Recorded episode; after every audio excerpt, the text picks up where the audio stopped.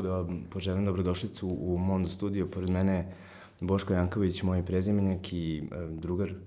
Znamo se kad smo klinci bili, još da ste da, trenirali da, ovaj, iznad sever, južne tribine gore sa, yes, sa ostalima. Da smo vas gledali um, na tom potezu uh, Ljutice Bogdana Humska, juče se oprostila dvojica kapitena večitih, mhm. Milijaš i Saša Ilić. Ti si igrao sa jednim i protiv jednog, uh, pa mi reci zašto su oni toliko važni navijačima Zvezde i Partizana? Pre svega hvala na pozivu i što sam dobio priliku da budem tvoj gost. Ovaj, jako je lep koncept i kad si mi rekao ovaj, da treba dođem kod tebe, odmah sam na YouTube upalio da vidim kako to izgleda i stvarno sam se oduševio jer nisam video ovakav koncept da je neko napravio u Srbiji, Hvala tako da svaka, svaka čast. Ove, što se tiče e, Nenada i, i Saleta, imao sam priliku da igram i s jednim i s drugim, naravno sa Sašom u, u reprezentaciji, sa Nenadom u Crvenoj zvezdi. Mogu da kažem da jedan i drugi su ostavili ozbiljan, ozbiljan utisak u klubovima u kojima su igrali, pogotovo u Crvenoj zvezdi i Partizanu. A šta ih je činilo dobrim igračima? Šta, kod jednog i kod drugog? Šta, šta su bile njihove najbolje, stvari, najbolje strane? Pa dobro, jedan i drugi su pre svega dobri momci i, ovaj, i neko ko, je, ko se toliko i posvetio i dao futbalu i pogotovo Sale koje izdržao čak i do 40 i čini mi se prve godine, to nije mala stvar. Malo ljudi na svetu može da dogura do, i do 36, 7, a kamoli do 40 godina, tako da to je verovatno njegova ljubav i posvećenost koju je on imao prema futbalu i njemu je to futbal i vratio. Tako da, ovaj, uh, lepo je da su jedan i drugi ovaj, maltene, po pljusku juče, da, onako po pljusku, baš je bilo, bilo dan. onako dan e, čudan, ali ovaj, e, odlazak dva, dva velika futbalera u, u istoriju i ovaj, nadam se da će, da će biti uspešni u nekim drugim stvarima koji budu radili u, u, ovaj, u životu, jer ovaj, možda ostanu i u futbolu i dalje, nikad se ne zna. Malo je falilo da se ti oprostiš juče po, po onakvom vremenu tu je bilo u jednom trenutku blizu, da će se desiti, neće se desiti, pa možda je prilika da, da te podsjetim na taj period. Ajde da krenemo od kraja mm -hmm. nekako priče. Bilo je blizu, dođeš u zvezdu, ali desilo se šta? Pa to je bila neka čudna cela priča. Ja ovaj, sam neko ko je od svoje osme godine u Crvenoj zvezdi. I ovaj, ja znam koliko je meni Crvena zvezda značila i koliko mi znači i šta mi je sve dalo u životu. Ovaj, posle tog raskida s Veronom 2017. godine imao sam ovaj, dva razgovora sa, sa Zvezdanom Terzićem da se vratim u Crvenu zvezdu, međutim, kako da kažem, nisam bio spreman fizički da prihvatim poziv i da se vratim u klub koji volim. Ko je to problem bio? To je bio problem koji sam ja vuko iz Verone sa Kukom, A, pošto sam imao dve povrede, vrlo dobro znaš, e, kolena 2009. i 2010. godine sam imao dve ozbiljne operacije kolena. I to je išlo jedno, jedno drugo, tako I povlači... Onda, tako je, onda je to koleno nekako povuklo ceo moj, ceo moj, celo moje telo i sve to nekako drugačije bilo i i ovaj e, štediš se nekako dok trčiš dosta se štediš i ne znaš i, da opteretiš drugi deo tela jeste, razno razni problemi se tu dešavaju ovaj Meni je jednostavno kuk stradu tih sedam godina koliko sam igrao posle tih operacija, da kažem 2010. poslednja bila do 2017. Igraš tešku ligu, realno, koja je serija A, koja, koja zahteva dosta trčanja, dosta, dosta, dosta treninga jakih. Italija je malo specifična po tom pitanju, jer, jer se dosta radi na treninzima. Nije kao Španija da je malo onako sve opuštenije, dosta je sve onako, da kažem, zategnuto. Tako da ovaj, radilo se dosta i sa, sa nekim tegovima, jakim, jakim e, i velikim težinama, gde sam ja godinama igrao, igrao, igrao, ali jednostavno došao je taj period gde tu poslednju godinu kad smo ispali, nažalost, iz lige, ja ovaj, sam bukvalno igrao sve pod inekcijama i nisam mogao da izađem na, na utakmicu, čak i nekad trening, samo na treninzima uzimao diklofen da bi mogu da funkcionišem na treningu. Tako da, stvarno sam se vuko i nisam bio spreman na 100%, uvek sam bio A na 50%. A to je bilo fair prema Zvezdi i, prema Terza. Kakav pa, je Terza bio u tim razgovorima? Terza bio fantastičan, mi kad smo seli, bukvalno mi je rekao, bole, znači ono, izvoli, potpiši, ugovor, maltene uopšte se nije pričalo ni o novcu, nije se pričalo ni o čemu, to je jednostavno bilo, ali ja kad sam seo s njim da pričam, ja sam nekako, nisam, nisam želeo da objavljujem jer sam sve mislio da će meni to kroz neke terapije, nisam, nisam znao koliko je ozbiljna u stvari povreda moju koju sam imao, jer evo, ja sam, danas je sedma nedelja od kako je prošlo do moje operacije kuka da sam morao da uradim nažalost tu operaciju. I sada imaš je tako? Pa Ajde taj objasni da... u stvari šta se dešava. Tu potroši se hrskavice, nalagne kost na kost. Pa da, i... ali ajde prvo da, da se vratimo ovo kod zvezde.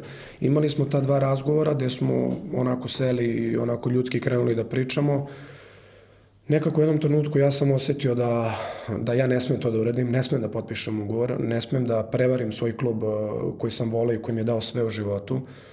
Kako mislim, kad kažem to prevarim, malo zvuči onako grubo, ali jednostavno ja da sam potpisao to vreme, ja ne bi došao za male pare, došao bi za pare koje sam ne imao u Italiji, ne koje sam imao u Italiji, ali došao bi za neke pare koje bi me zadovoljile.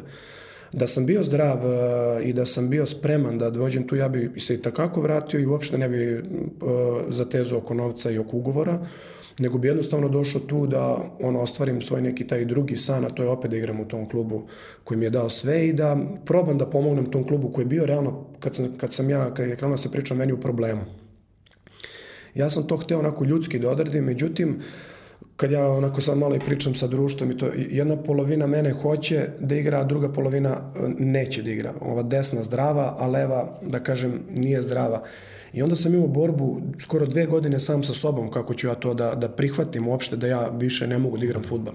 I a igralo ti se? Igralo mi se mnogo, pogotovo ovde, ono, iako su mi svi živi govorili, ma gde ćeš ovde, šta, mislim, realno naš, naš mentalitet i naši ljudi nisu baš sjajni, tako da nije lako igrati ovde. Ja ne znam da neko ko se vratio ovaj, je doživeo onako da kažem neke pohvale. Uvek smo svi bili, to jest uvek su svi bili na nekom udaru i, ovaj, i nisam želeo da, da, da se o meni priča da sam došao ovde da hvatam zadnji voz i da uzimam još neke pare. Mislim, ja ako nisam zaradio pare do 34. godine, ono 33. kad mi isteko te ugor, mislim, onda je to već da. moj problem i onda sam ja već ludak, a ne Tako da sam odradio to prema Zvezdi maksimalno onako iskreno i od srca, kao i sve što radim u životu.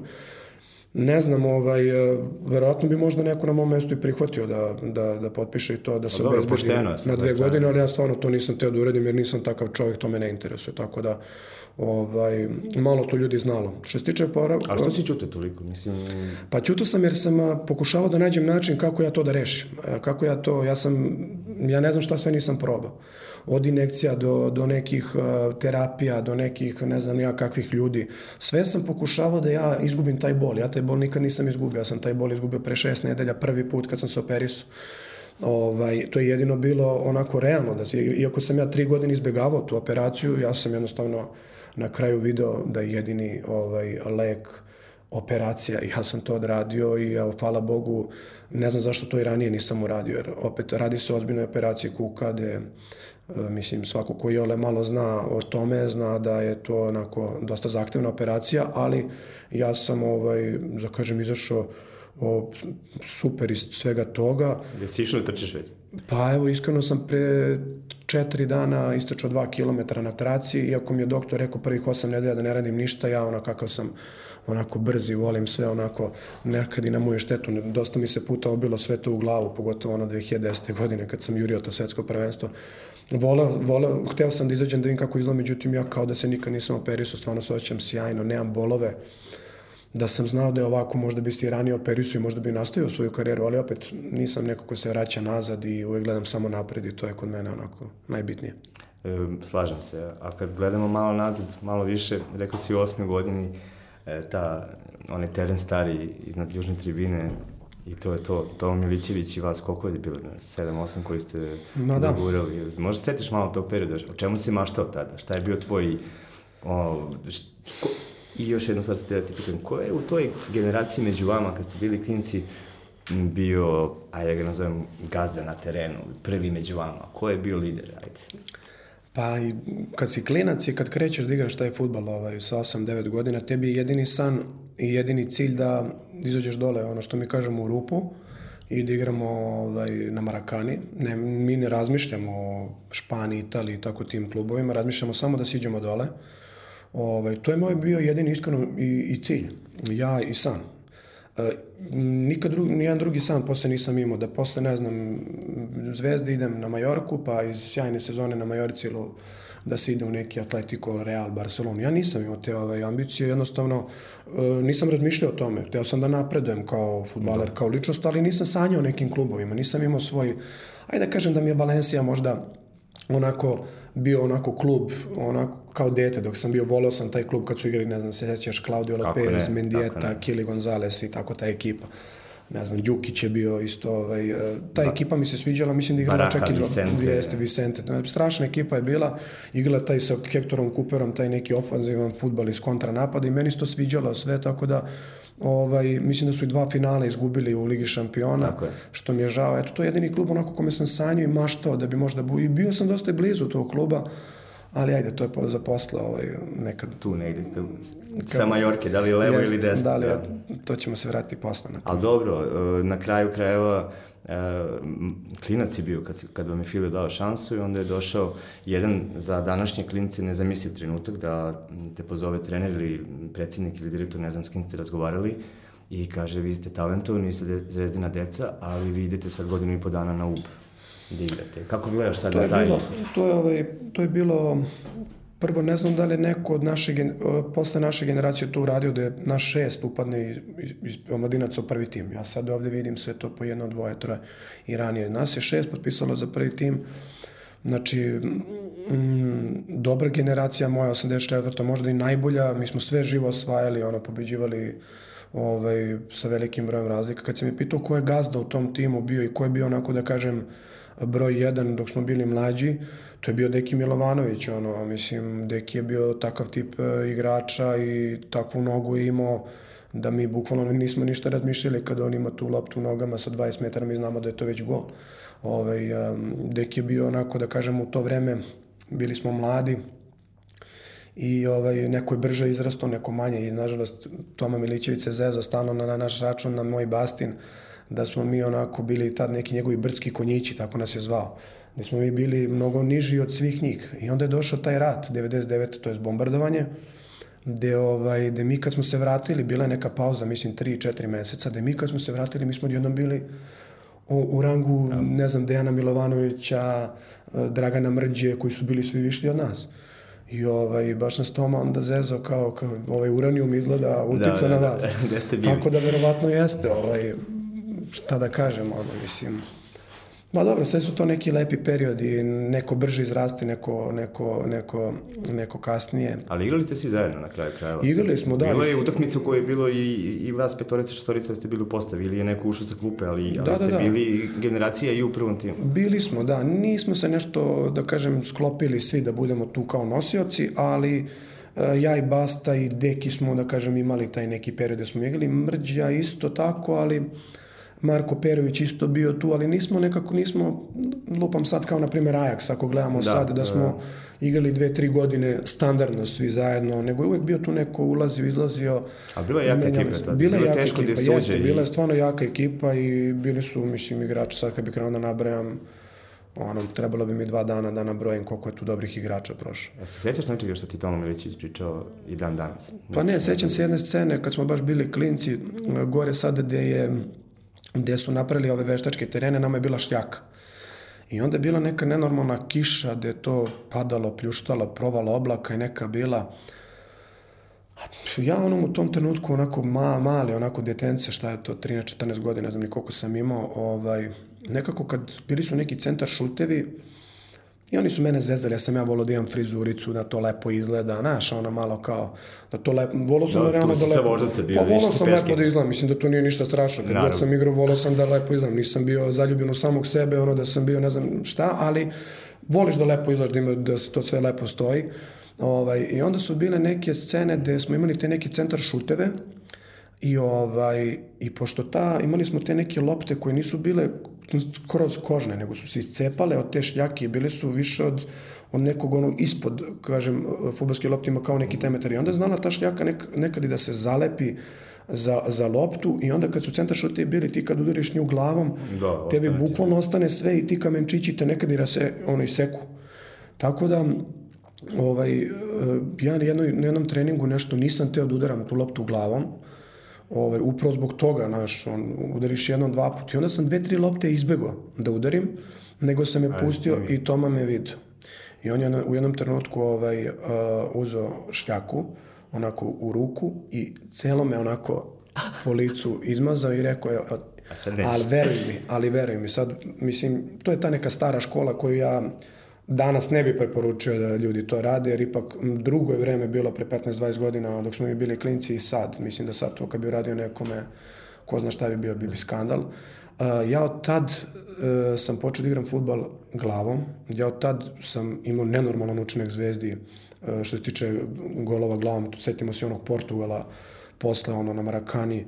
Znači imao sam ja mislim 3, 4 do 5 golova glavom, da, i na Majorci posle sam imao. Tako da mi je to bilo neka, da kažem, ono... Dobra lekcija. Dobra lekcija što se tiče tome i hvala mu na tome, da.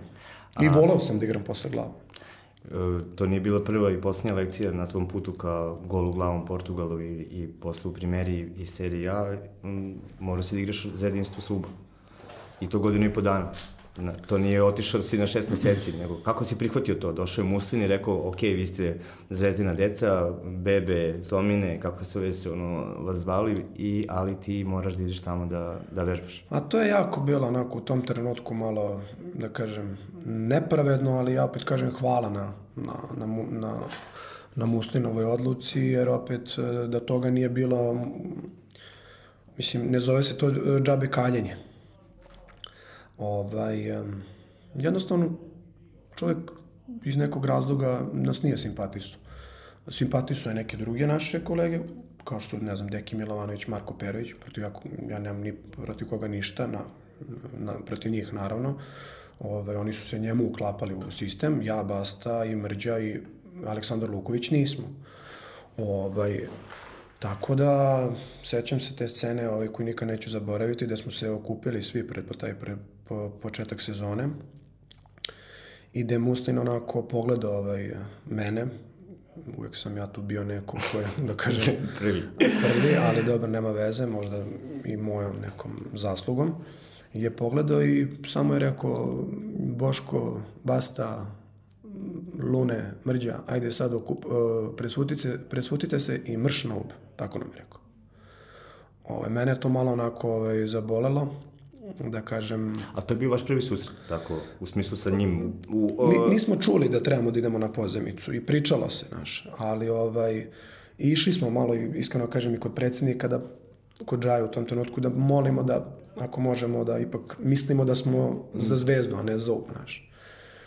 Ovaj, Džaja nam je rekao onako pametno i, i da kažem mudro, bit ćete vi, kaže, ozbiljne zvezdine uzdanice, samo polako, kaže. Idite, kaže, tamo, odradite to, iskalite se i mi smo naravno njega poslušali, smo gledali kod njega, kao, kao oca. I mogu da kažem da, da nam je to možda i najbolji potez koji smo napravili. I ja nikad nisam ništa pričao loše o, Slavoljub, o Slavoljubom Ustinu, niti bilo što, ja sam mogu da mu kažem hvala. Jer te Ali godine, nije bilo prijatno. Nije bilo prijatno, možda malo stil bio onako, da kažem, ružan. Moglo je to na jedan fini, kulturni način sve da se objasni, ali opet eh, hvala mu na, na tome zato što mi da smo ostali možda ne bi imali neku minutažu, možda bi izgubili celu sezonu, možda ne bi imali više prava ni za te omladince da igram. Ovaj, hvala mu jer sam ja te sezone bio najbolji strelac lige, Uh, u to vreme eh, serija, ta druga liga je bila... Serija B. Pa, te sam serija B. Druga liga je bila, znači, Čukarički rad, Javor iz Ivanjice, Metalac, Novi Pazar, um, ko je tu još bio? To su sve malte ne sad današnji prvoligaški klubovi. I mi smo bili u toj ligi treći. Izbacili smo Vojvodinu u kupu u Novom Sadu, došli do polufina, četvrt finala kupa sa malim ubom koji ima ne znam koliko stanovnika, 10.000, 15, 20, ne znam ne. Ovaj, igrali strašan futbal, ono, mnogo dali tom gradu i svemu tome, tako da Mm, svaku Baste dao, čini mi se 9 golova, ja oko 17-18, Lun igrao strašno, Mrđa isto, tako da posle toga smo se vratili i onda kreće ono, zvezda. Onda kreće Odnova. Kreće ludnica. Ludnica. Ajde. Pa nema šta, kreće ne, ne, ne moram da postavim pitanje, nekako idemo. Pa idemo tokom idemo, samim, da. da. Kreće ludnica. Koja ludnica? To je da Zvezda ovaj, sa Slavoljubom Mustinom osvaja ovaj, titulu kreću, kreće Liga šampiona kvalifikacije. Ove, mi se vraćamo, dolazi uh, Ljubko Petrović se postaja kao, kao novi trener Crvene zvezde, Dragan Đajić kao, da kažem, naš futbalski otac i, i ovaj, neko ko, ko, je, ko je rekao da ćemo biti tu, vraća nas, što je logično bilo posle sezone, kako smo imali na ubu, nema potrebe više da gubimo vreme tamo, dolazimo u klub koji je naš, ono, boje koje su naše, i, ovaj, i krećemo da igramo taj futbal koji posle, onako da kažem, postaje možda posle one generacije da iz 91. godine možda i, da kažem, najbolja i najatraktivnija ekipa u to vreme pobediš neki PSV Eindhoven koji je u to vreme, koji te godine odigrao... Kako je osjećaj bio kad je ušla loptu gol? Pa ja, to mi, je, to mi je sigurno najdrži gol. Ono, kad me neko pita koji ti je najdrži, taj jeste, zato što... Tek si se vratio, tek si se vratio, puni stadion bio, dobro koreografija. Prelepo sve, lepo vreme, ti mlad, pun adrenalina, uh, daješ gol pred, to je san taj koji doživljavaš u tom trenutku i ovaj, ja kad sam dao ja nisam znao gde se nalazim, znaš, on, ja, ja nisam znao ni gde da trčim i šta da radim, ja, ja, ja mene su jedva stigli oni, oni, oni drugari koji su trčali za mnom da proslave go, znači, to je taj nevjerovatno, to su te neke stvari, to je taj osjećaj koji ja posle dok sam igrao futbol preko nisam više imao. Ja kad sam dao golove, sve to bilo lepo, ali oh, oh. super sve, ali nema to tu draž. Jeste za reprezentaciju isto se probudi nekad e, kao gol Portugalu na Marakani, probudi se to, ali opet za zvezdu kad daš go, mislim da je to totalno nešto drugačije. Ono. Kad znaš, to je tvoj klub. Ono. Kako izgleda ta, ta motivacija uopšte u slačionici? Kad, kad, kad je velika utakmica na Marakani, ti igraš za zvezdu i sad naboj taj izgled. Strašno. Mislim, ne mogu ja to ni da objasnim, ni da ispričam. To je nešto nevrovatno, mislim. Hm. O, samo ono zagrevanje na, na severnoj tribini gde se mi inače zagrevamo, pošto ne zagrevamo na glavnom, nego se zagrevamo dole. I čuješ sad onako. I čuješ ti onaj huk i ti znaš da te čeka ono, pakao dole, ono, znaš, ono, mislim, znaš. Znaju i ovi drugi. Tako. Ti, ti, ma, oni drugi koji su bili znaju, koji ne znaju, te kad dođu vide šta se tu dešava, mislim. I taj tunel sam koji je jako specifičan. I treba ti možda minut, dva da ga, da ga ti prođeš dole, znaš, to je sve naboj, tenzija. Čuje se, onako. Sve više i više raste. Kao muzika, onako, te nosi, onako, polako. Da, kao da neko pojačava, što pa se da, bliže da, da, što nekako nevjerovatno osjećaj, stvarno, ovaj, nije lako igrati u Zvezdi, stvarno, ovaj, ovaj, mnogo je futbalera prošlo i mnogo je pojao taj pritisak sam velikog kluba, sve, sve cele te tenzije, jer ti drugačije nama koji smo tu od 8. 9. godine, smo mi naučeni, nama je u glavi ubačeno, da kažem, taj čip da mi moramo da pobeđujemo. Mi ne možemo ni nerešeno da igramo, samo postoji jedan rezultat. To je pobeda. Nema nerešeno, nema ništa, ne postoji to, ni, ni u prvom timu posle. Jako je teško, zato kažem možda je nama da kažem deci Zvezdino je možda lakše malo da, da, jer smo naučeni od početka da samo na pobedu igramo. Jer teže nekome ko dođe, ne znam, mm, Tako je. u Zvezdu Čukaričkog iz rada koji nema pobednički mentalitet, pa onda treba se prilagođava. Mi smo tu od prvog dana, znaš, ono, da, već, roboti, već te... mislim, da kažem roboti, ono, Dobro, robot u tom smislu, emotivno, programer, mentalno I to je to, kidaj, izađi i pobedi, koga god, nema tu cijele mile. Dobro, to je, uh, ispali ste od Milana, ali ste igrali 1-0 tamo, 1-2 ovde sa Sedorfom, Pirlom i ostalima, to, to nije mala, mala stvar. To danas de, deluje kao... Pa ne, mislim, da... izbaciš pre PSV, izbaciš Young Boys. Niko ne priča o Young Boysu prvaka švajcarski, koji to vreme imao šapu iza, onaj čuveni Hošpic koji je bio odlična ekipa. Mislim, sad je Young Boys kao top ekipa, da. a mi ga izbacimo tad i tad je bila veliki klub, ali tad je ono to za nas bilo kao lagano, kao Young Boys, ma to će mi lagano. I stvarno bude tri, ne znam sad rezultate tačno, ali da li dva, no, jedan, dva u, u Cirihu smo igrali, ovaj, e, sa njima nešto stadion gradio, pa smo i kući dobili isto dva ili ne sećam se stvarno rezultate, slabo pamtim te rezultate.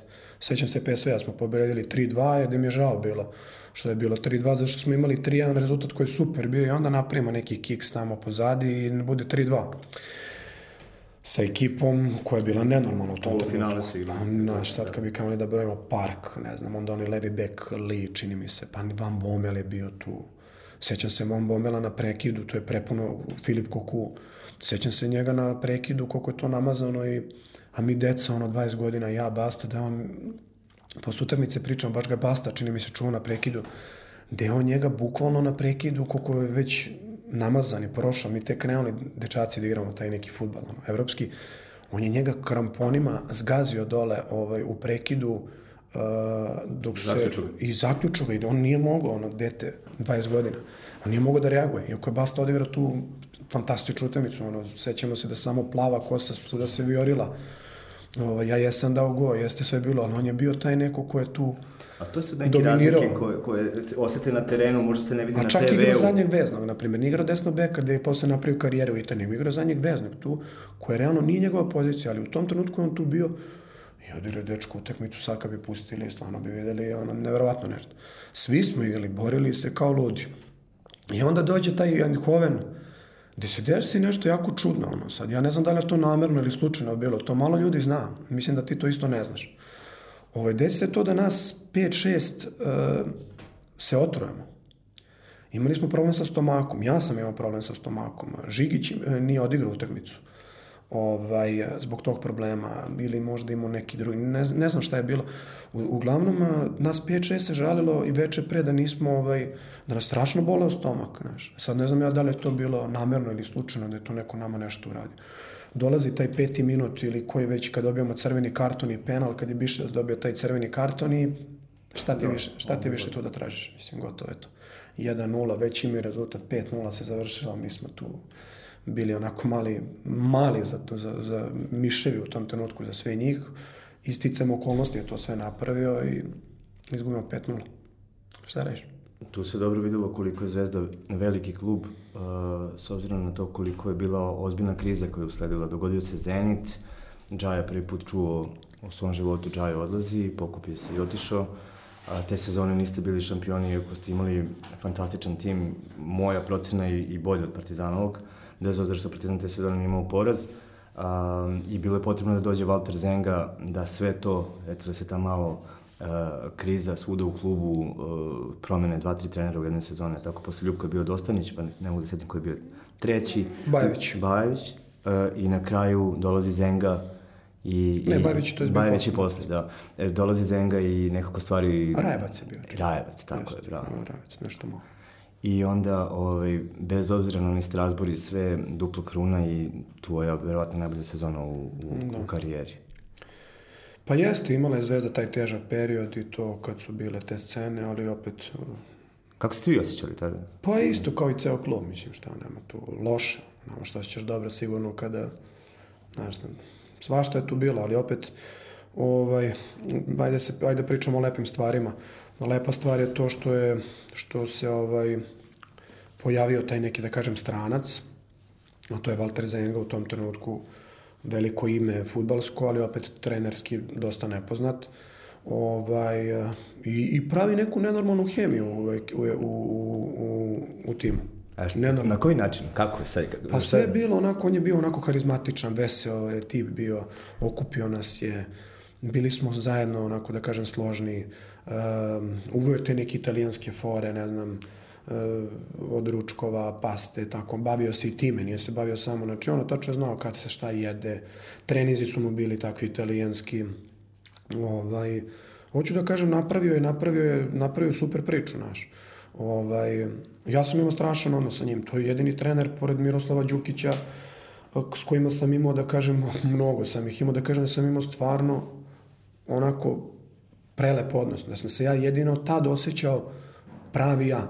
Jer su oni meni, uh, imao sam i kod Gasperinija isto jedan, jedan period u Dženovi to, ali ja sam jednostavno takav bio da kad, kad ja vidim da, si, da, da, me, da, me, da, me, da me pustiš, volao sam da me, nisam volao zadatke, nisam bio čovjek od zadatka, volao sam da budem volao sam da budem ja u centru pažnje, volao sam da budem najbitniji. Takav sam bio i jednostavno to me nosilo u tom trenutku. Volao sam da ja budem, nisam ne lider, nego sam volao da budem neko oko koga, nešto, oko koga će nešto da se vrti.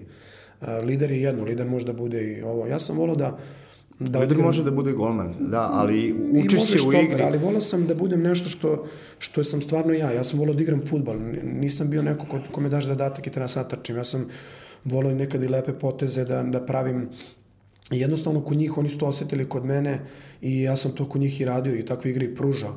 Uh, volao sam da igram petama, to, je, to, to sam ja i stvarno sam se osjećao kod njih da sve to mogu da uradim. Na evropskom prvenstvu ko je pratio, seća se da sam odigrao možda i najbolje prvenstvo za mlade do 21 godine smo izgubili nažalost od Holandije koja je u tom trenutku stvarno bila mnogo jača od nas 4-1 ali opet sa jednom malom Srbijom da dođeš do finala evropskog prvenstva do 21 godine nije mala stvar da sam bio u idealnih 11 u to vreme evropskih mladih igrača, znači bio sam među 11 najboljih igrača Evrope. Ja mislim da sam bio možda i među 5-6 u, ovaj, u to vreme.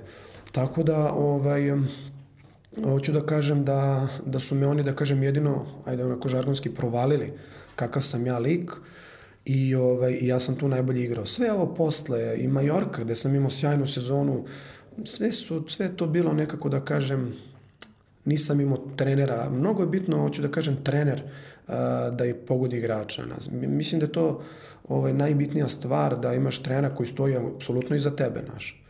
Da, Tako dobro da, i kad je loše da, da, da... Tako je, kad je loše isto da te razume i da, da, da priča s tobom. Sve ovo ostalo po, posle koje sam trener imao, sve to bilo onako. Kako ste preživjeli sa Zengom Strasbourg? Uf, jako teško, jako teško. To je možda i jedan od najbolnijih poraza zato što si imao znači, rezultat od 2-0, mislim da je 5 minuta falilo do kraja i ovaj prezimili bi Evropu, u to vreme jako tešku grupu, Bazelom, Romom, Strasburom, mislim to sve ozbiljne ekipe bili da smo mi mogli da prezimimo i da prođemo to jer je drugačiji koncept kupa UEFA bio i drugačiji koncept Lige šampiona mnogo se teže tad ulazilo u kupu UEFA i u Ligu šampiona nego sad. Mislim da je... Da, PSV Milan Real, i to je to, mislim u da dve da je, sezone. Znači, promenila se i koncept se ceo promenio. Sve sad mnogo laše za ove istočne ekipe da se domognu nekog. Tako da, uh, Kovačević napravi tu ta dva glupa fala da se i dan danas šalimo na taj njegov račun da ali opet kažem nije on dečko ni to zlonamerno uradio niti jednostavno možda je hteo da preseče a šta ti je život? U tom trenutku Kevin Gamiro koji je danas onako da kažem ozbiljnu karijeru fudbalsku napravio i koji je visok možda 1,70 5 6 možda i najmanji igrač na terenu u tom trenutku bio još i bio i klinac ti da dva gola glavom mislim ono, dokle više jednostavno, moja generacija nije imala, da kažem, ni sreće, ni prilikom tih žrebova, kad smo ih dobili Milan, gde smo posle izgubili od Milana, koji te godine osvaja Ligu šampiona. Da. Mislim, ti kad izađeš protiv njih, ono, dva puta izlazimo i vidimo Sedorfa, Kaku, Kosta Kurtu, ne znam... Pirla. Pirla. Gatuza. Gatuza. Mislim, šta, šta ti... Dida na golu. Dida na golu, misliš šta... Inzaghi i Gilardino na ne znam, jeste, ne znam da li je Maldini bio tad. Nije, nije bio Maldini. Nije, nije igrao, ali ne znam. Nije igrao, ali bio, bio, je u, bio da, da. timu, da. Hoću da kažem, nismo imali sreće naše. Ovaj. Jel možeš da zamisliš utakmicu generacije Ranđelović, Basta, Biševac, Dudić, uh, Lune, uh, Janković, Kovačević, Milovanović, levo... Milijaš Perović. Milijaš Perović i naprijed Panta Žiga ili Žiga Đokić. Da. Sa ovom sad generacijom Zvezde Milovićem koji je igrao Ligu šampiona. Kako bi se završila ta utakmica? Pa dobro, mislim da sad ovaj... Ne očekujemo da budeš ne, objektivan. Nego pa neću, onako... neću, neću biti objektivan jer mislim da ovaj da, da, da treba neke stvari onako da se realno pričaju. Mislim da je ovaj tim napravio nenormalan uspeh. Ovo, što su momci napravili, ovo kako igraju za taj klub je stvarno više, više su dali nego što mogu da pruže. To samo Ćorav ne može da vidi. Da su momci dali ne maksimum, nego preko maksimuma i da se to i pokazalo i koliko vole klub i sve to vidi. I stranci koji su došli su pogođeni 100%. Marko Marion odigrao super sezonu, Ben igra odličnu sezonu. Znači, napravili, klub kao klub je napravio dobar, dobar, dobar tim. Radilo se, vidi se na ome, nije bilo kao promašenih, da. kao što je bilo ranije i dosta promašenih, ma dosta ih je bilo promašenih, tako da ove, ovaj put je stvarno ovaj, sve određeno kako treba i vidi se da se neko bavio time, znači nije ovo ništa slučajno daš. Ali mislim da moj tim je definitivno bolji i, ovaj, i da kad bi igrali sad ne znam kako bi se to završilo, ali mislim da te dve ekipe ovaj, ne treba poređivati, uh, uh, da kažem, futbalski. Jer opet kažem, možda će mi neko i zameriti na, na ovome što sam Dobro, rekao. pošteno, iskreno. Ali mislim. ja iskreno kažem, neko ko poznaje futbal i ko zna ovaj, i ole malo u futbalu će shvatiti ovo što pričam. Kako ide dalje priča? Gde smo stali?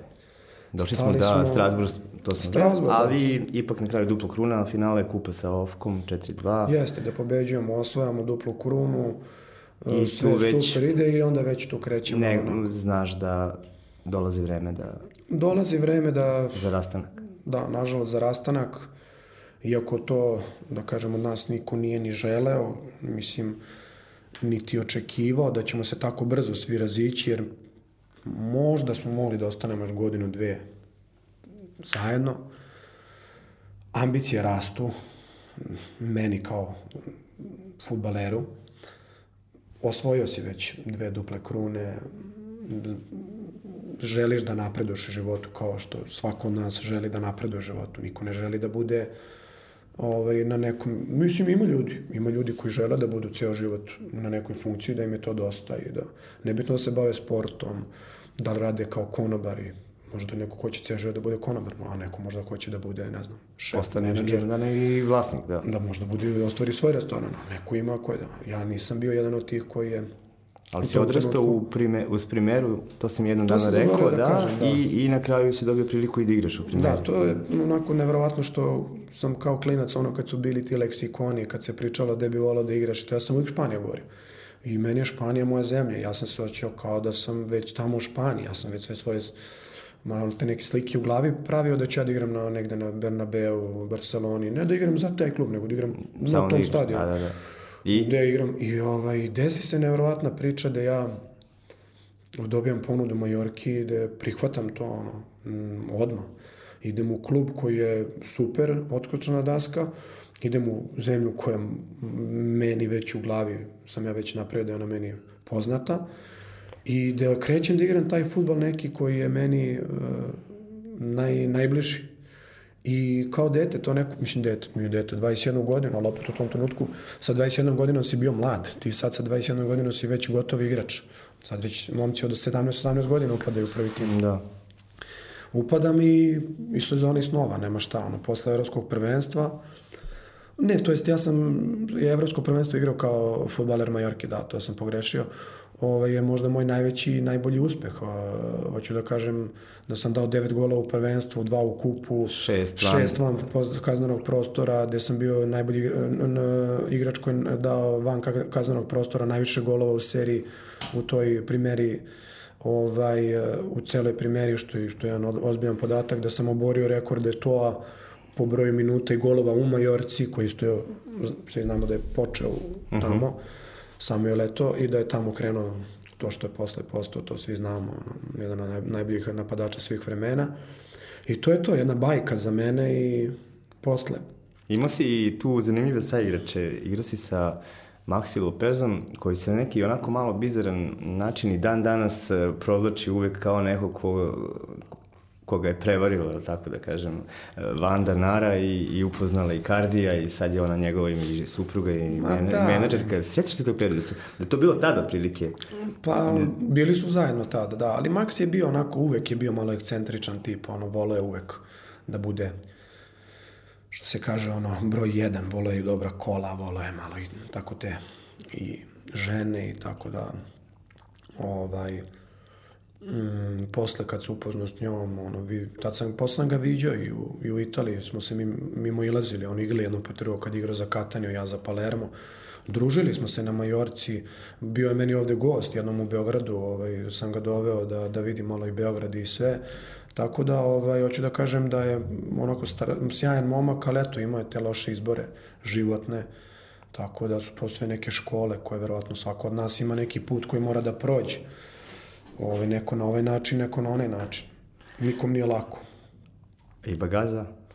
I Bagaza je sigurno igrač možda i najbolji s kojima sam igrao, iako malo zvučno poznat onako ljudima, je možda najbolji igrač eh, s kojima sam ja igrao, to je bukvalno Onako, Pazi, i, mislim, samo da zna, znam da znaju ljudi, znači pričamo, igra si sa Krespom, igra si sa Kavanijem, igra si sa Amaurijem, igra si sa Militom, sa Motom. Tiago Mota, da. I ta, sa pa dobro, igrao, igrao sam i s ovim našim, Tako je. da kažem, vrhunskim igračima, kao što su Deki Stanković, Nemanja Vidić, ne znam, To su onako, da kažem, igrači koji... A i Bagaza?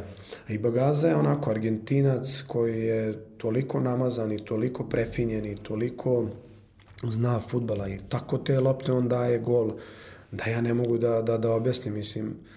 Ima jedan gol na, major, na kući smo igrali protiv Saragose gde on dva puta u nekom, na nekom kvadratnom metru jednom onako proleči i dva puta loptu kroz noge ovaj, od dva različite igrača i gde meni daje povratno i da ja sa 16 metara zatežem i dajem go u 80 i neku minutu i pobeđujemo Saragosu 2-1, gde nama jako bitna pobeda bila, čak ima na YouTube-u da se vidi to je go, to je ono neverovatno šta je čovjek uradio, ono, ja nisam mogu da, da se nagledam tog snimka kako je on ima u, u, u, u malom prostoru protorio loptu dva puta i da mi asistenciju za, za možda i naj, najbitniju pobedu. Smo tada ono definitivno ostali u ligi, borili smo se onako da kažem do, do kraja. Od cijele Evrope ti, tvoje prve dva kluba na dva ostrava su bile.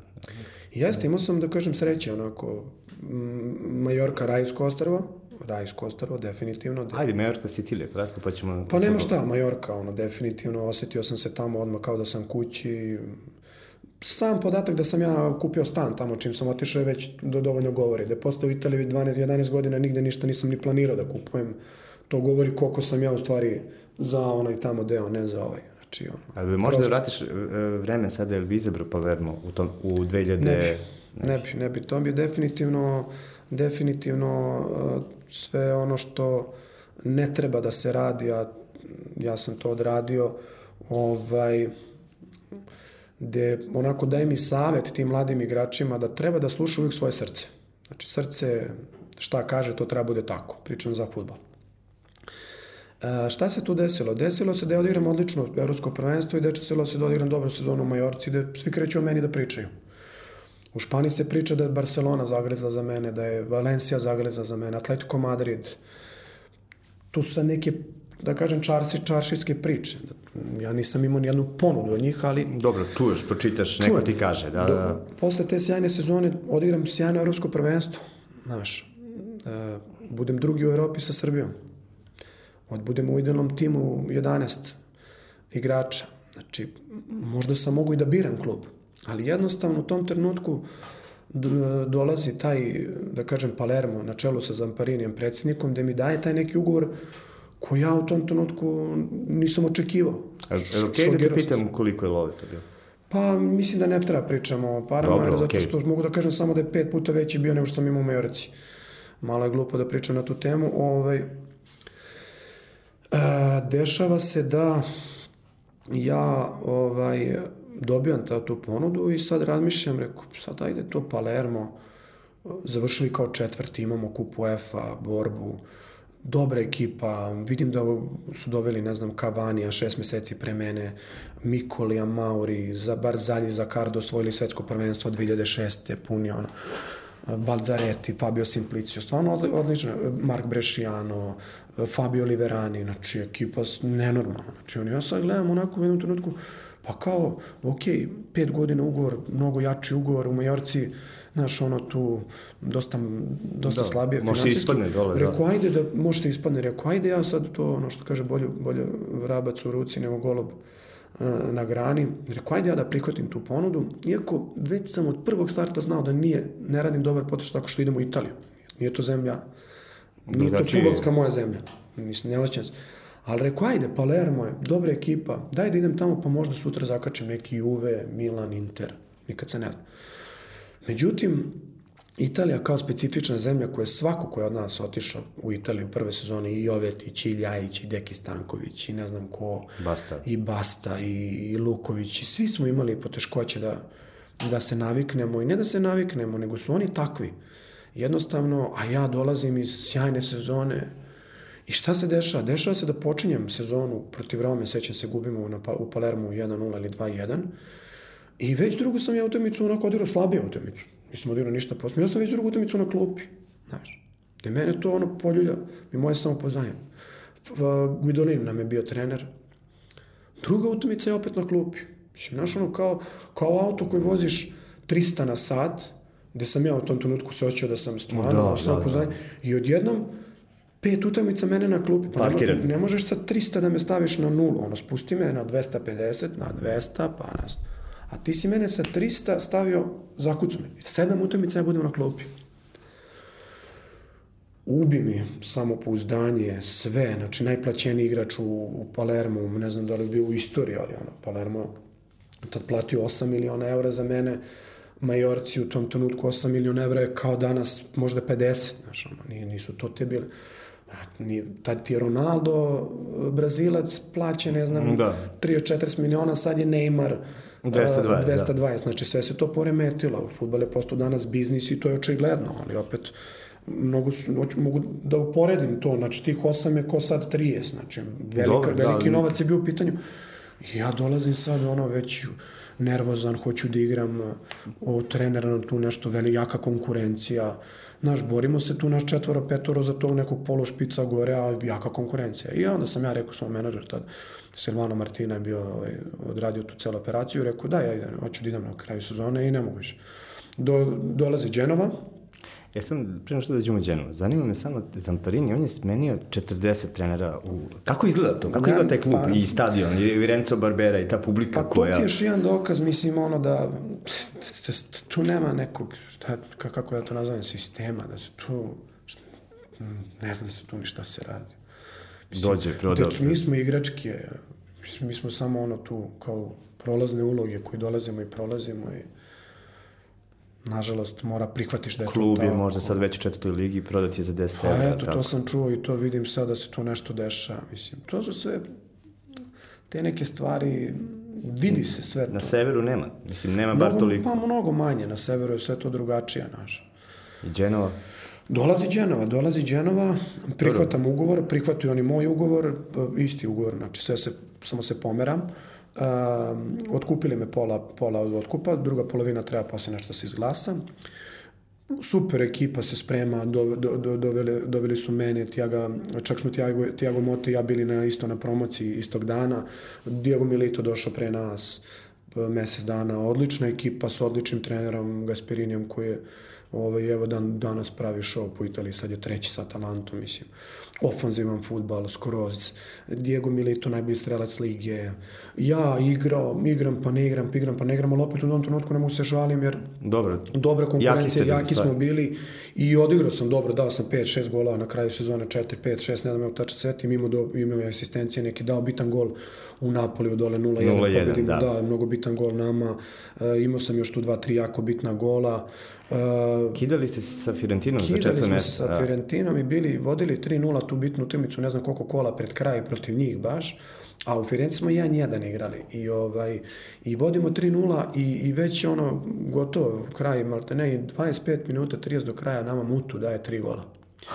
I 3-3 se završava. Ja mislim da se seća. I to je neverovatan osjećaj da smo mi malte ne već videli sebe u Ligi šampiona, još neke par utakmica je bilo, ali Da skratim priču, na kraju smo ovaj, isti broj bodova imali kao Fiorentina, međutim Fiorentina je otišla zbog gol razlike i zbog tog međusobnog skora što je imala 1-1 i 3-3. Dala je više gola u gostima, isti da. broj bodova smo imali. I ona ode u Ligu šampiona, mi kupu UEFA. I eto, šta da se radi? Dolazimo...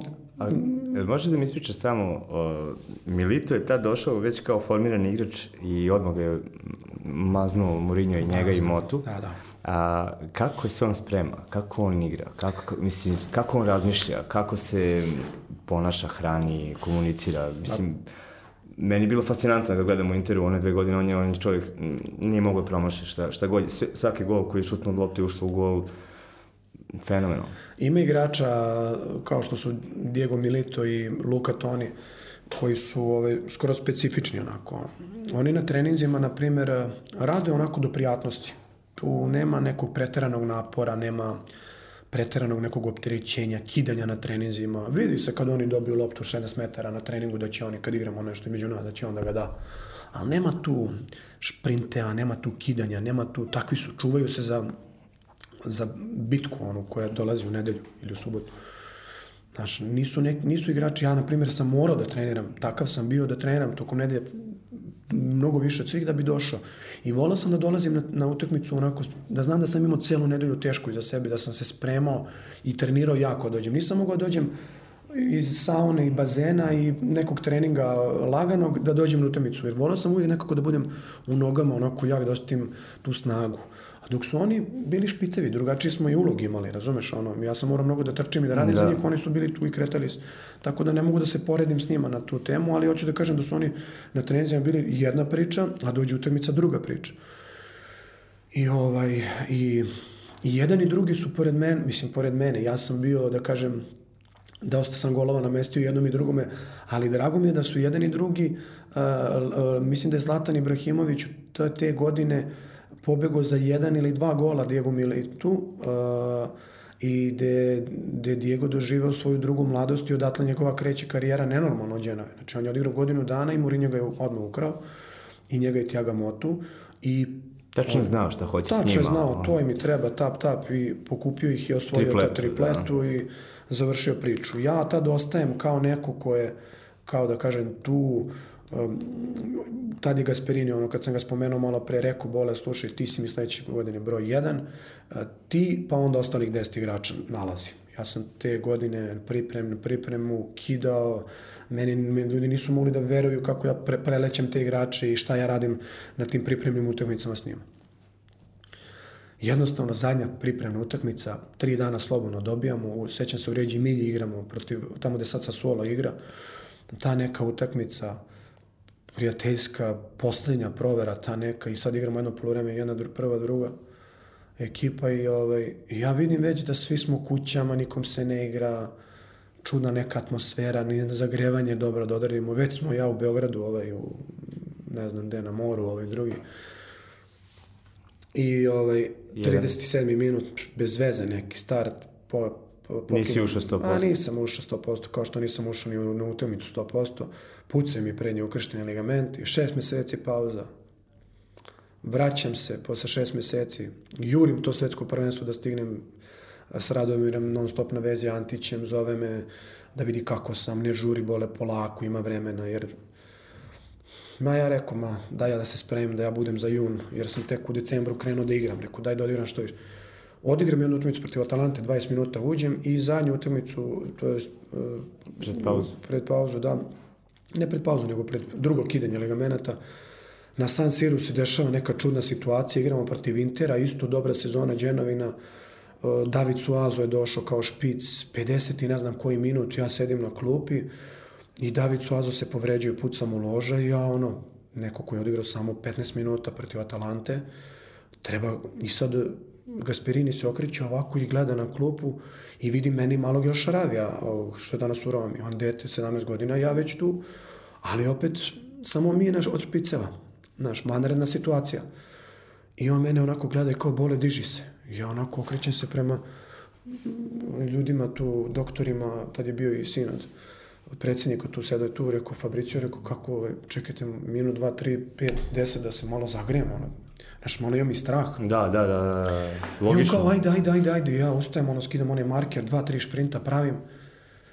I ovaj, ovaj kaže, ajde, ulazi. Ja već u glavi, rekao, druga utakmica, Inter, uh, nemam, nemam, nemam, nemam, nemam, nisam zagrejan, nisam puls svoj pod, nisam se oznojio, ulazim, da je 0-0, da gori ono, tekma i nama i njima bitni bodovi. Rekao, kako ću ja sad, šta se tu sad nešto dešava? Već mi je nešto čudno bilo, rekao. Ulazim, nije pet minuta prošlo, ovaj, meni pucaju pa opet, sećam se da onaj Lucio, Brazilac, meni opet neki start, nešto ja krenuo da se okrenem, da trčim s njim, samo osetim nešto tak, tak, tak, ali ne bol kao onaj prvi put. Prvi put je bio bol kao da mi se otkačila noga, takav sam već imao. Znači kao da nisam imao nogu, kao da, kao da mi je onaj deo od kolena na dole nestao.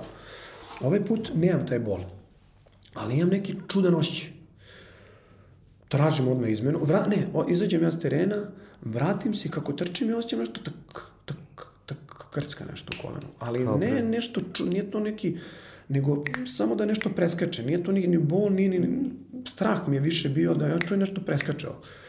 I ja rekao, kak izmena? Na kaki, opet me vadi, ulazi tada taj mali. Odlazim u Barcelonu, ne dolazim uopšte da se operišem, nego dolazim da vidim da pregleda mi se kaže šta je. On kaže, doktor, taj Ramon Kugat, kao ajde, kao vidim da je malo meniskus, šta ja znam, povređen, ajde mi malo njega da sredimo i da ti već za dve, tri nedelje budeš na terenu. Ja rekao, ajde, ako je meniskus, ajde, šta ne, dve tri nedelje nije strašno, imam do juna za svetsko još, koliko hoćeš. Ako moram, kaže, mora, ajde, ajde. Sad on u tom trenutku meni nije hteo da kaže, da je meni puko prenio da me ne bi... Međutim, ja u sobi, operacijona, operacijona sala, naravno epidural leđa, sve sam bio svestan, nisam imao totalnu anesteziju, kamere, to jest ekrani ispred, ispred mene i on kako ulazi unutra u koleno, vidi da se prednji ukršteni ligament ponovo pokida.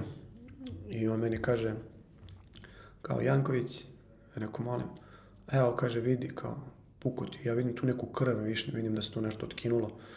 Kako izgleda to? Ima katastrofa. I ja ga, moje prvo pitanje je bilo, šta to znači, doktore, da sam ponovo kao pokidao? On kaže da, ja ga pitam onako već u šoku, ja sad više ne znam ono ni gde se nalazim, ono, malo je opijen od anestezije i od, verovatno su mi dali nešto da me opuste. Ja rekao, to znači da ja neću igrati svetsko prvenstvo. Kaže on meni, to, malo u tom trenutku onako i grublje s njegove strane. Kada kaže, sine, kaže, ne da nećeš igrati ti svetsko prvenstvo, kaže, nego pitanje je kao, šta ćemo posle, kao, jer ti si isti ligament pokido, isto koleno, gde ćemo, znaš, nemaš više prava na kiks, kaže, ja mogu još jednom, kaže, sad ovo da te perišem. Kaže, treći put, drugi put ako ga pokidaš, kaže, to će biti. I ništa, operišem se, pre, propustim svetsko, vratim se u Dženovu. Kako izgleda to? Mislim, za nekog klinca koji će se povrediti pa, sutra... Katastrofa, ono, mislim, 26 godina imam u tom trenutku, znam da nemam pravo više da ga povredim, tenzija, ne uklizave više da ne, da ne treba, znaš, rezonski igre, nema cik-cak, nema pretrčavanja, nema toga, nema. Znaš, onda kad me neko pita kao, pa bole, mogu si mnogo bolju karijeru da imaš, pa mislim, majstore, dođi kod mene ovaj, u kožu pa ćeš da vidiš, ovaj, ti si bi igrač za Juve, Real, jesam, ali čekaj malo, vidi za šta se dešavalo, znaš, ne kažem, Ali nisi se predao? Nisam se predao, ne, ja sam takav da se nisam predao nikako, čak sam se vratio, Od 2010. do 2017. sam igrao seriju A, bio kapitan Dženove, odigrao super u toj Dženovi, cele sezone bio kapitan, dao i 7 golova tu sezonu, odlično odigrao, nijednom nisam ispao iz lige, što je najbitnije za taj klub, evo jako danas, danas se bori opet, neverovatno se, dan, su ispod crte, bore se za opstanak.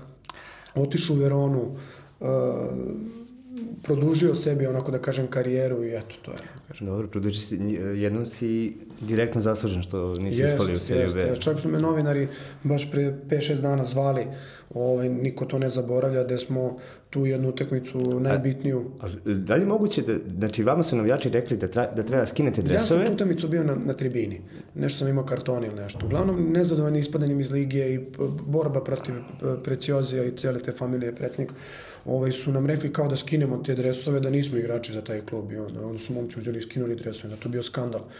I onda su tu neki navijači se nešto penjali, ludnica, ovo bilo, nije lako bilo ni igrati ni u džene, ne, ne, ne mogu da kažem da je bilo lako, sigurno je bilo teško. Ovaj, dobijemo suspenziju da ne igramo na našem stadionu, nego smo dobili... Znači vi ste suspendovani zato što su vaši navijači tražili da tako da vi skinete dresove. Tako je. A, to I... se dešavalo ovde u Srbiji, pa, pa mi je smešno da što sam prisustvovao tim utakmicama. Da, da, nevjerovatno. Igrate... Igramo bez publike, da. na stadionu Breš, Rigo, protiv Kaljarija. Rigomenti, tako nešto se zove stadion. Da, ne nema pojma. Bez publike u Breši. Bez publike u Breši. Jer su vaši navijači skinuli. Strašno. I sad ti se bori za opstanak, mislim, ludilo.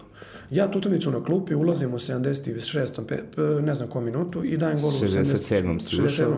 70. nekom dajem gol, strašan gol iz tomnog udarca preko sponja, to je možda i najlepši gol, jedan od najlepših u mojoj karijeri, gde sam bukvalno pocepao ono mrežu i o, pobeđujemo Kaljari tog trenutka. Evo, mislim, Vi ste bili 17. tada oni su bili 14. I jest, to je bilo... 2-1 i to je bio onako taj, no da kažem... Tri kola pri kraju. Posle da, su bili još dve utakmice. Jeste, imali smo još neke uh, remi i to, ali smo ovaj, ostali u ligi što je najbitnije i, i dan danas navijači to pamte. I... Dobio si traku. Dobio sam, dobio sam traku posle godinu toga kad su se menjali. Ja mislim da sam oko desetak trenera promenio za, 12 trenera da. Pet godina u Džanovi. Teo sam pričamo o njima, sam skapirao bi to trebalo samo Ma, emisija, samo njima. Trajalo bi pet dana. Ali dobro, zašto su toliko um, Gasperini, kako uspe da raspoče toliko igrača? Pa mislim da je Gasperini jedan možda od najboljih trenera koje, koje mene trenirao, ali definitivno ovaj, radi dobre stvari u tim nekim osrednjim klubovima, kao što su Genova u tom trenutku s kojim je bio četvrti, mogu da bude treći, Atalanta s kojim je sad treći. Uh, u Interu nije nešto uradio. Vidim da ga sad traži Roma i da je dosta blizu prelaska u Romu.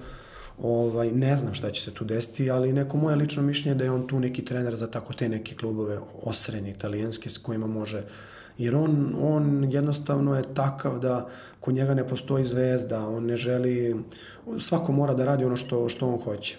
Mislim da je zato ima neki problem malo u, u Italiji kad je došao u Inter. Pet utakmice je bio, da. Da, da, da. Pa da. nije baš da pa pričaš šta. Pa nije bio nešto, zato što verovatno... Ali ume da lomi igrače, onako da te, no, onako iz svog nekog... Kako nije ume da lomi? Mnogi su plakali. Sećam se Sokratis, pa, što igra sad u Arsenalu, je dete u tom trenutku plakalo ono na treninzima, jel? posle utakmice kad odigraš loše, on zna tako da ti izvređa da bukvalno ti ono, ti uljpoljuje samopouzdanje da ti bukvalno misliš da uopšte nisi ti ono, kao, za, za seriju A, ne za seriju A, nego ni za seriju B. I gde su i dosta njih plakalo, ono, stvarno, ja nisam nikad imao neki, taj neki odnos s njim, ali Van der Bore, slećam se on je belgijanac, Skuli je isto imao čak neku scenu gde je isto ono, čovjek, ono, tada to vreme, plakao, ono, mislim, koliko te uništio, pojem, ono, nevrovatno.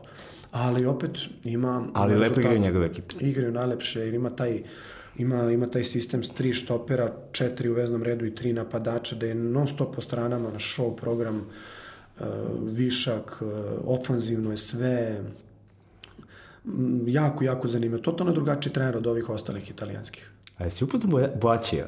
Tada? Uh, jesam, kako nisam. Da, da, igrao sam s njim. On je dolazio tada s vremena na vreme trenirao. Ti si bio povređen u, ne, u to vreme, ali... bio sam povređen i vratio sam se posle. Isto mogu da ti kažem da, da je Boaći odmah, znači kad sam dva, tri treninga vidio, ja sam vidio da je to ludilo od igrača. Malo je promenio stil, iskreno ti kažem. On je bio je ranije dosta brži nekako. Da, ukrupnio se malo, nekako onako sad je... je pritrčavao s lakoćom i Kaladzija i sve ove naše tu štopere. Ne mogu ti objasniti šta je to bilo. No, to je šao kao Henri je bio. Kad je došao ovdje u Zvezdu, nekako mi je malo, nije mi više to taj Boaći koga ja znam, više je postao gol igrač. Nije bio ono da pretrčava, da gazi, naš. Malo se, ne znam šta se tu desilo, da li je imao i neke povrede ili šta se tu dešavalo posle po Sassuolo, Atalanti, Juve, da je bio još ono, Latina, ne znam nija da je igrao. Pa je došao u Zvezdu i krenuo da Mm, nema tu, hoću da kažem, promenio stil igre, nema tu više eksplozivnost koju ja znam dok ima da. 18 godina, drugo, ni on sad nije nešto mator. Nije, nije, nije. Koliko ima, 26-7 godina, znači mladi on, nije on imao neke povrede pa da sad kažeš, ali jednostavno neki stil promenio. Nevrovatno.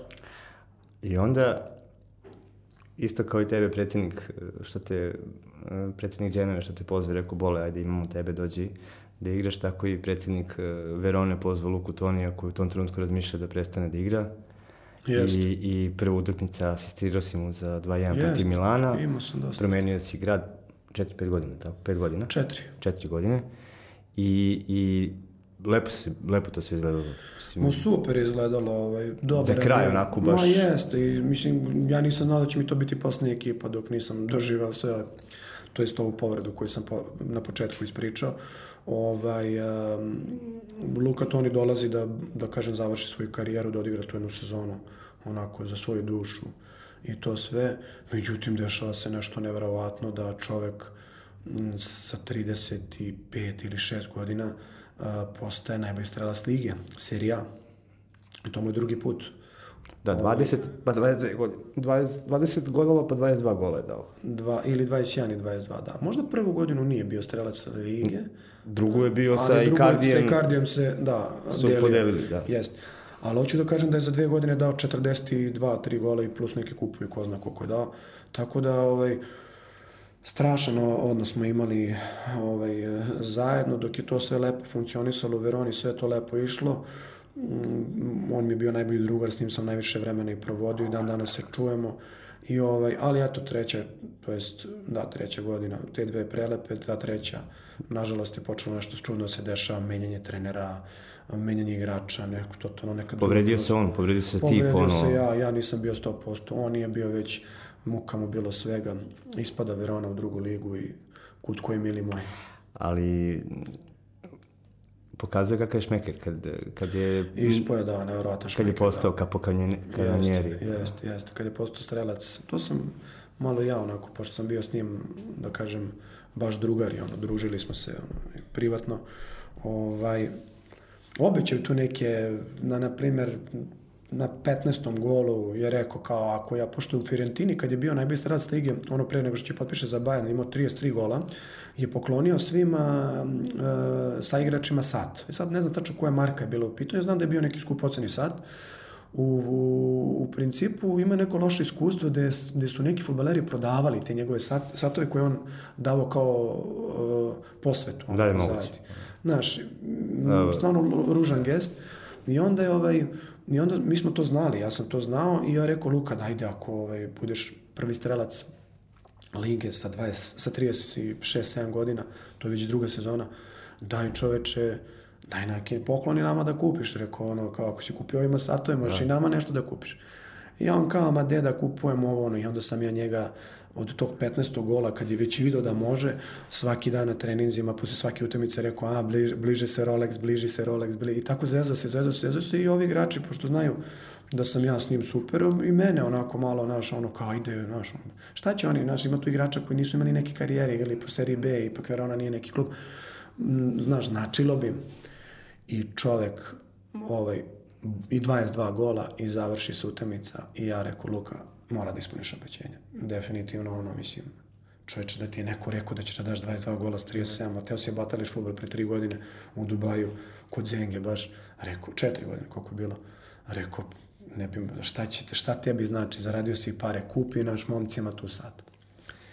I odemo zajedno da izaberemo, sećam se u Veroni u centru grada, izabrali satove, 14-15 satove je kupio, pošto samo oni koji su ostali, ovi koji su otišli, glupo da ih juriš po svetu i šalješ mm, satove sad, nego mi koji smo ostali, nama je svima kupio, ozbiljnu cifru izdvojio za sve to, ali tu je pokazao da je veliki šmeker i gospodin i ovaj, samo nas jedan dan u slačionici sve nas sačekao, ono, kutija, Rolex, date, Just, na primjer, neki, dan danas ga imam kući, piše pozadi Gracija Luka, Gracije kao Luka Toni. Lepo. I mnogo je to lepo. Ovo, mislim, nadam se da niko nije prodao. Ja svoj nisam, niti ću, tako da. Ne treba. To je to. Reci mi samo, uh, kakav igra Žarginja? On sad igra u Chelsea-u, a, a, a Već se to u Veroni znalo, igrao sam s njim tu godinu prvu kad smo baš show pravili, već se to odmah znalo da je to igrač da, za velika dela. I evo i dan danas igra u Chelsea i igra u Napoliju, super. Tako da videlo se to, to je jedna glava, tako smirena, tako dobar tehnički, odličan igrač, nema šta. A što je Mourinho uzeo Motu? Za, za Militar nije jasno, ali Mo, Mota je odigrao sezonu i snova u, u Genovi, on je možda Dobro, naš to me zanima, igrač. znači da li, da li se osjeća to i van terena na treninzima, kakav pravi, je tip? Pravi lider, pravi lider, nema tu šta, pravi lider i pra, među pet igrača s kojima sam ja igrao, znači u, u karijeri. Znači, to je neverovatno nešto. Tu sigurnost u veznom redu kad imaš njega, pritom on je visok, on je da, da, da, da, da, da. Ti kad vidiš njega na terenu i kad ga imaš kao saigrača, tebi je tu već mnogo lakše. Mnogo lakše. Igrao si i gradske derbije, odnosno derbije jake na Siciliji, u Beogradu, Jeste. u Dženovi, a, čak i u Veroni. A, I izgleda se samo ovde ne prašta prelazak iz, iz Zvezdu Partizan i ostala mi je u sećanju tvoje izjava kad su se sva, svašta moglo da se pročitati na račun Vladimira Stojkovića, ti si ga, ako se ne varam, podržao, pa evo on je doživeo da počne karijeru sa, u Zvezdi sa Nenadom Miliješem, a da se oprosti na, u Humskoj sa Sašom Ilićem. Pa jest. Uh, je, je bilo to možda malo preterano? Prema njemu. Mislim. Pa dobro, znaš kako, opet ponajam ono od početka, čudan smo mi narod, mislim, svi znamo da smo čudan narod, nama Novak Đoković nekad ne valja kad izgubi, ono, će da ga pola ljudi, 90% ljudi vređa, ono, mislim. Nemamo to neku, tu kulturu, uvijek, nemamo poštovanje. Mislim da se bavimo svi tuđim životima, niko svojim. To je najveći problem, mislim, da treba malo više da se bavimo sami sobom nego drugima. Sedimo po kafićima i ogovaramo jedni drugi, naš. Malo je to već postalo onako, da kažem, i dosadno. Mislim da je, svako od nas treba da gleda sebe. Dokle On više... je čovjek gleda sebe u tom pa, trenutku. Mislim, ja sad, da kažem, aj se vratim na te derbije. Jeste, imao sam Zvezdu Partizan, Genova Sampdoria, Kijevo Verona i da kažem taj sicilijanski derbi Katanija Palermo. Nijedan derbi ne može se poredi sa Zvezdinim sigurno. Čuo sam Dekiv i gledao Dekiv intervju kad je pričao za Inter Milan, da je to onako ne. A ovaj, meni je isto Sampdoria Genova jako lep derbi, ali mislim da onaj derbi Partizan Zvezda je nešto totalno drugačije. Ovaj, A da li nekom treba da pa, fali glav, dlaka zlave zbog toga što je igrao za zvezdu pa, ili za partizan? Naravno da ne treba, ali na primjer ja znam pozadinu cele priče te, ja niti ga branim, niti imam razlog nešto tu, ja stavim njegovu odbranu. Ovaj, jednostavno dečko se, e, se našao u nebranom grožđu, gde nije imao e, nijednu drugu ponudu osim Partizana. Bio je standardan golman reprezentacije, da. do preko šest meseci je uvek bio prvi golman i uvek su ljudi u Savezu imali ovaj, uh, uh, poštovanja prema njemu i on je uvek branio. I sada da nije našao negde klub ili da je otišao negde u, ne znam, u neki drugi klub, možda neku čudnu državu ili ne znam nija gde, on bi verovatno izgubio i status. Nego je došao tu Partizan da vadi svoju karijeru koja je bila jako turbulentna, gde mnogo klubova promenio sad kad bi krenuli da nabrajamo, ne znam koliko bi nam trebalo, i dolazi u taj Partizan da se vadi, da, da, da vadi, da se čupa. Nije mu nijednu drugu ponudu, ja to znam. Znači, um, prihvata taj poziv, čak i me i pitao, bole, šta ti misliš kao, kao ti da sam ja bio s vama, ono šta se tu dešava. Ja rekao, brate, ne znam šta ti kažem, ti, ti imaš svoju glavu, svoje odluke donesi. Ovaj, ako ti je to jedini spas, jedina slamčica za koju možeš suvatiš, a na margini si mnogih klubova preko da si problematičan dovoljno, vadi se. Ovaj, nemam ništa protiv, ja kao zvezdaš prihvatam to, brate, to je tvoj izbor, to je, nemam ništa, ti si moj drugi, to je to. Ja jedino što njemu zameram, to je ono što je uradio posle derbija da je rekao, da izjavljam ono kao svoje ružne, moje ružne, izvinite me, jedino je taj neki detalj za koga ja kao zvezdaš mogu da ga, ne da osudim, kažem da nije to trebalo. Ali verovatno i on u tom trenutku nije znao ni šta radi, vidiš da se mnogo promenio, da je sad i bolji čovek i otac i dobio dvoje dece posle svega toga, ja sam imao sveukupno troje. Znaš, hoću da kažem, mlad je bio onako pun je lana i svega toga i svega je to onako da kažem nosilo, ali eto, ovaj, svi su ga osudili na kraju i svi su pričali ovo i ono, ja na kraju nisam jer opet nemam ni razloga, svako, svako je krojač svoje sudbine na kraju i svako bira svoj put. Gde bi ga ti izabrao drugačije? Pa ja bih ga izabrao drugačije samo u onom, onom, onom, onom delu da posle Majorke ne odem u Palermo, nego da sačekam taj prelazni rok koji traje dva meseca, a ne da, ga, a da ne da potpišem taj ugovor malte ne na početku prelaznog roka sa Palermo, nego bi sačekao sigurno jedno mesec, dva, pa možda bi čekao i kraj prelaznog roka da se tu nešto odmota, nešto u Španiji, neki veliki klub. Samo bi to vratio nazad i ostao bi u Španiji ceo svoj život i verovatno bi mi karijera bila mnogo, mnogo drugačija nego da sam otišao u Italiju. Hvala ti što si bio. Hvala i tebi. Hvala i tebi. Hvala.